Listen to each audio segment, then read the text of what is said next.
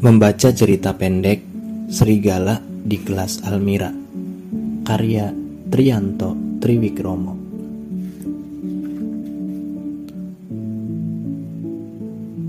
Ya, mereka memang akan menjebloskanmu ke rumah sakit jiwa.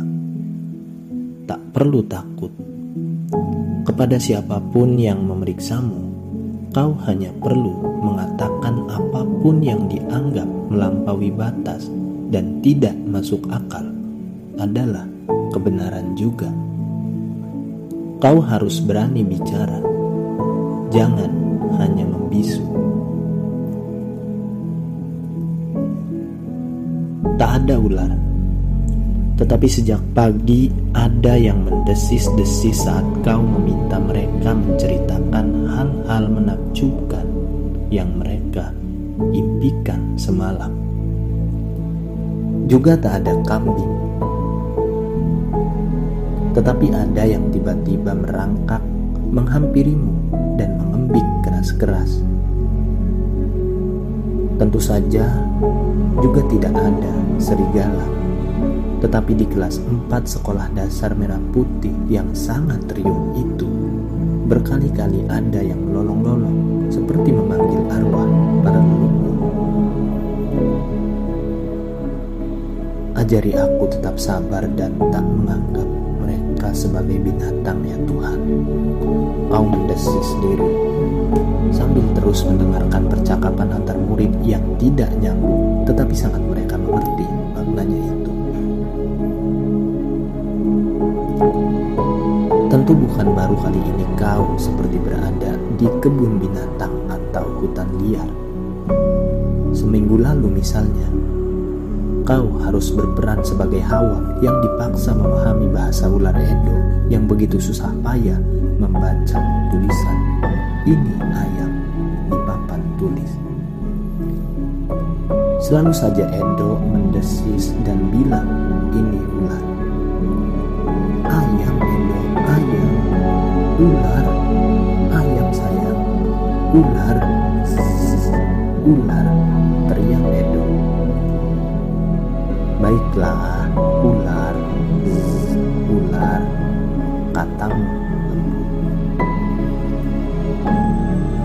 Saat kau sudah memasuki ceruk bahasa dan dunia Edo, murid yang paling pendiam itu tak melata di lantai lagi. Dia duduk manis di kursi dan kemudian menggambar apa pun yang berkaitan dengan.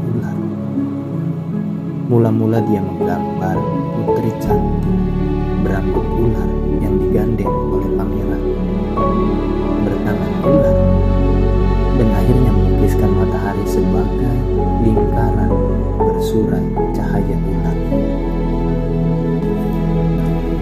Ular-ular itu makan apa ya dok? Kau mendesis lagi sambil menunjuk gambar unggas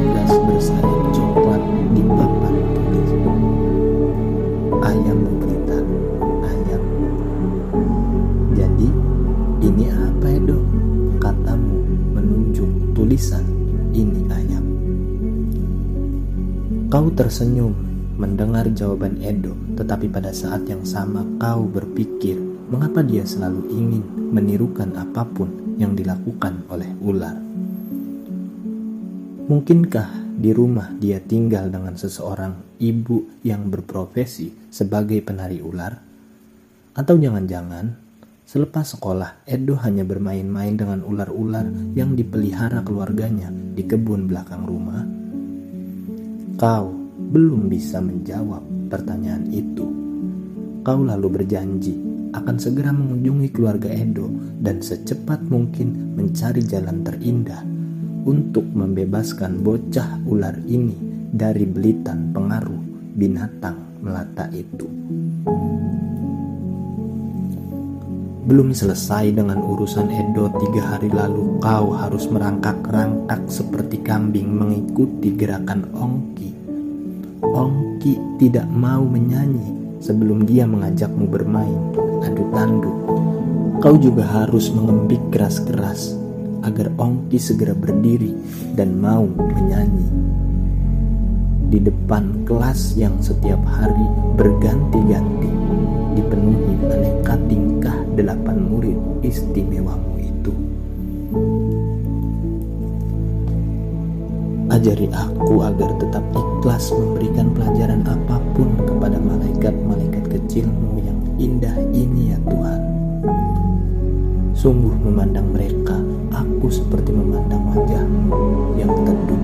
Kau mencoba mendesiskan doa.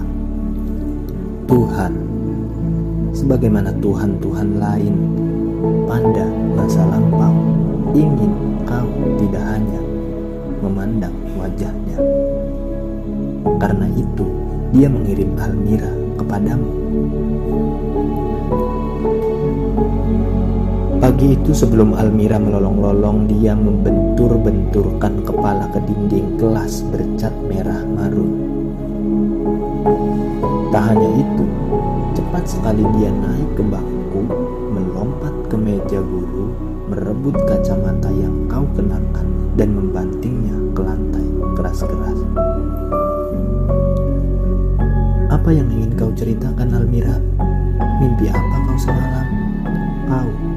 masih berusaha mengontrol kesabaran.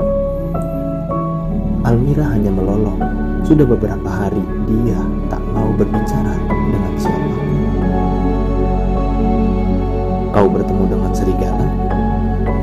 Almira menyeringai. Air liurnya menetes, matanya menyala buas. Ceritakan pada kami segala hal yang kau temui dalam mimpimu sayang. Kau berusaha menendam. Masih tak ada jawaban. Kelas yang semula riuh jadi hening dan tegang. Edo tidak mendesis, Ongki tidak mengembik, Selma tidak menangis, Safa tidak menggebrak-gebrak meja, Sirna cuma bengong. Kafka dan Jupe melongo. Mereka merasa bakal jadi korban gigitan Almira. Sayang. Kau mencoba meredam kemarahan Almira. Terlambat, Almira terlanjur mengasah taring. Dan kali ini sepasang mata liarnya menembus mata Selma. Almira tampak ingin menggigit dan mengoyak-oyak leher Selma. Merasa jiwanya bakal terancam, Selma menjerit. Jeritan itu begitu cepat beresonansi sehingga membuat seluruh isi kelas ikut menjerit. Kau bingung menyaksikan kegarangan Almira dan ketakutan Selma. Kau tidak mungkin membunuh satu murid untuk menyelamatkan murid lain. Kau berpikir keras agar bersama murid lain tidak menatap taring runcing Almira mengoyak-oyak leher ringkih Selma. Kau juga tak ingin Almira melolong-lolong terus-menerus memanggil-manggil serigala-serigala lain untuk menyerbu sekolah yang juga berpagar ringkih. Kau juga tak menginginkan lolongan keras Almira membuat Gesti, pemilik dan kepala sekolah, yang bagimu tampak sebagai diktator bengis itu mengintip apa pun yang kau lakukan bersama murid-muridmu. Kau tak ingin Gesti akan melarang kau mengajar dengan cara-cara yang tidak termaktub dalam metode pengajaran. Ternyata kesuksesan mengatasi persoalan Edo yang hanya mendesis dan Ongki yang cuma mengembik tidak bisa digunakan untuk membereskan persoalan Almira. Almira tak hanya tampak sebagai hewan bertulang belakang yang dalam sepanjang hidupnya mungkin hidup sekandang dengan serigala. Almira justru berperangai sebagai satwa dari surga yang ingin menggigit apa pun yang tampak sebagai hantu manis. Saat itu, mungkin Selma memang terlihat sebagai domba bantayan yang sangat molek.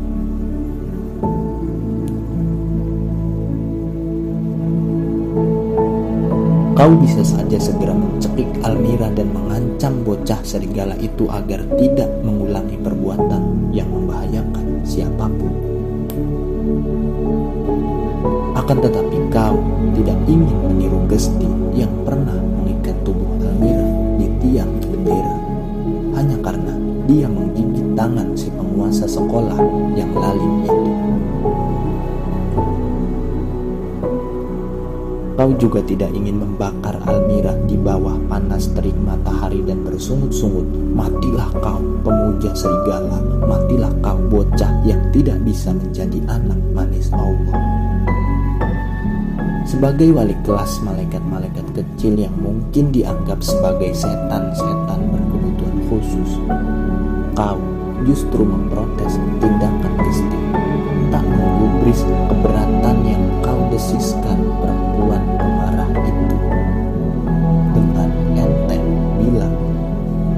Dewa Matahari yang bisa mengubah serigala menjadi manusia. Biarkan hantu-hantu sialan itu keluar dari tubuhnya. Kau tidak melihat hantu di tubuh Almira. Kau justru menyaksikan di bahu bocah serigala itu tumbuh sayap halus. Sayap yang memungkinkan Almira terbang meninggalkan sekolah, meninggalkan siksaan kepala sekolah. Meskipun demikian, dia tidak mau melupakan sayap dan kau tidak bisa menolong bocah yang sebenarnya sangat manis itu. Selain tali pengikat yang melilit tubuhnya begitu kencang, kau tidak bisa melawan kepala sekolah yang membayar segala yang kau lakukan di kelas hanya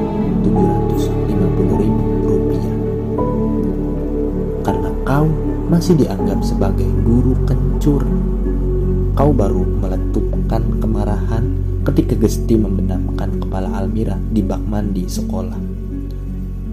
Kasihan desismu pelan. Kasihan malaikat kecil yang kini sayapnya telah menguncup itu. Karena kian tidak tahan menyaksikan pemandangan yang sangat menyiksa, kau memberanikan diri menghalangi Gesti berbuat lebih nekat lagi. Kau merebut Almira dari tangan Gesti dan segera memeluk bocah serigala yang masih menatap Gesti dengan tusukan mata setan. Ajar dia dengan cara yang benar. Kalau tidak bisa, keluarlah dan jangan sekali-kali mengajar lagi di sekolah ini. Tak ingin membantah, kau menuruti permintaan Gesti.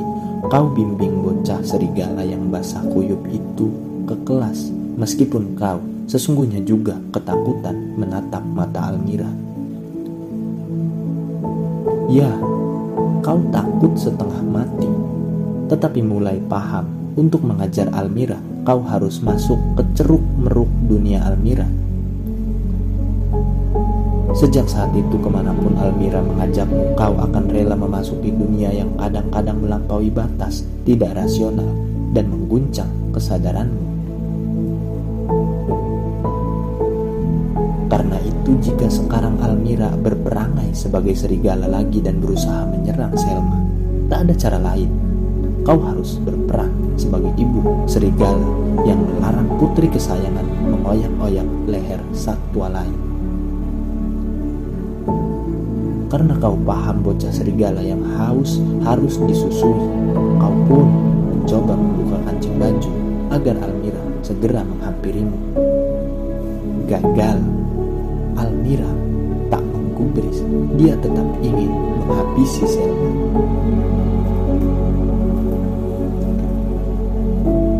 Dalam situasi semacam itu, kau ingat betapa serigala-serigala yang kelaparan akan segera melahap daging yang disorongkan ke mulutnya.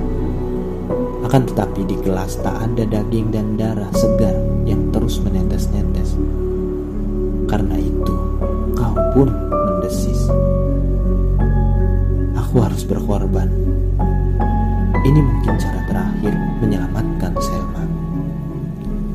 Lalu di luar dugaan para murid, kau melolong keras-keras dan tiba-tiba menggigit punggung lengan sendiri dengan geram. Mulutmu pun kemudian penuh daging dan belepotan darah segarmu sendiri. Almira kaget. Dia berpaling ke arahmu. Pelan-pelan dia merangkak. Pelan-pelan dia menghampirimu. Pelan-pelan dia berusaha melahap daging dari mulutmu.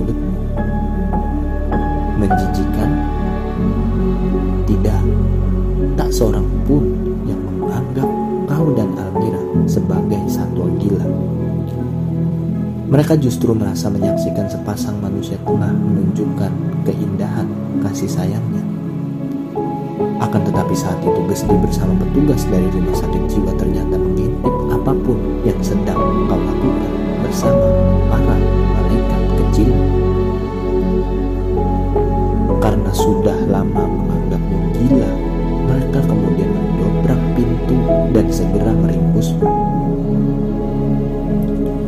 Lalu segalanya sunyi diam ketika dari kejauhan saat mereka menyeretmu keluar dari kelas. Kau mendengar Almira memanggil-manggil namamu. Ibu, ibu, mengapa kau tinggalkan aku? Kau tidak ingin menjawab pertanyaan itu. Kau hanya ingin menatap tajam-tajam gesti dan melolong. Au. Semarang, 17 April 2013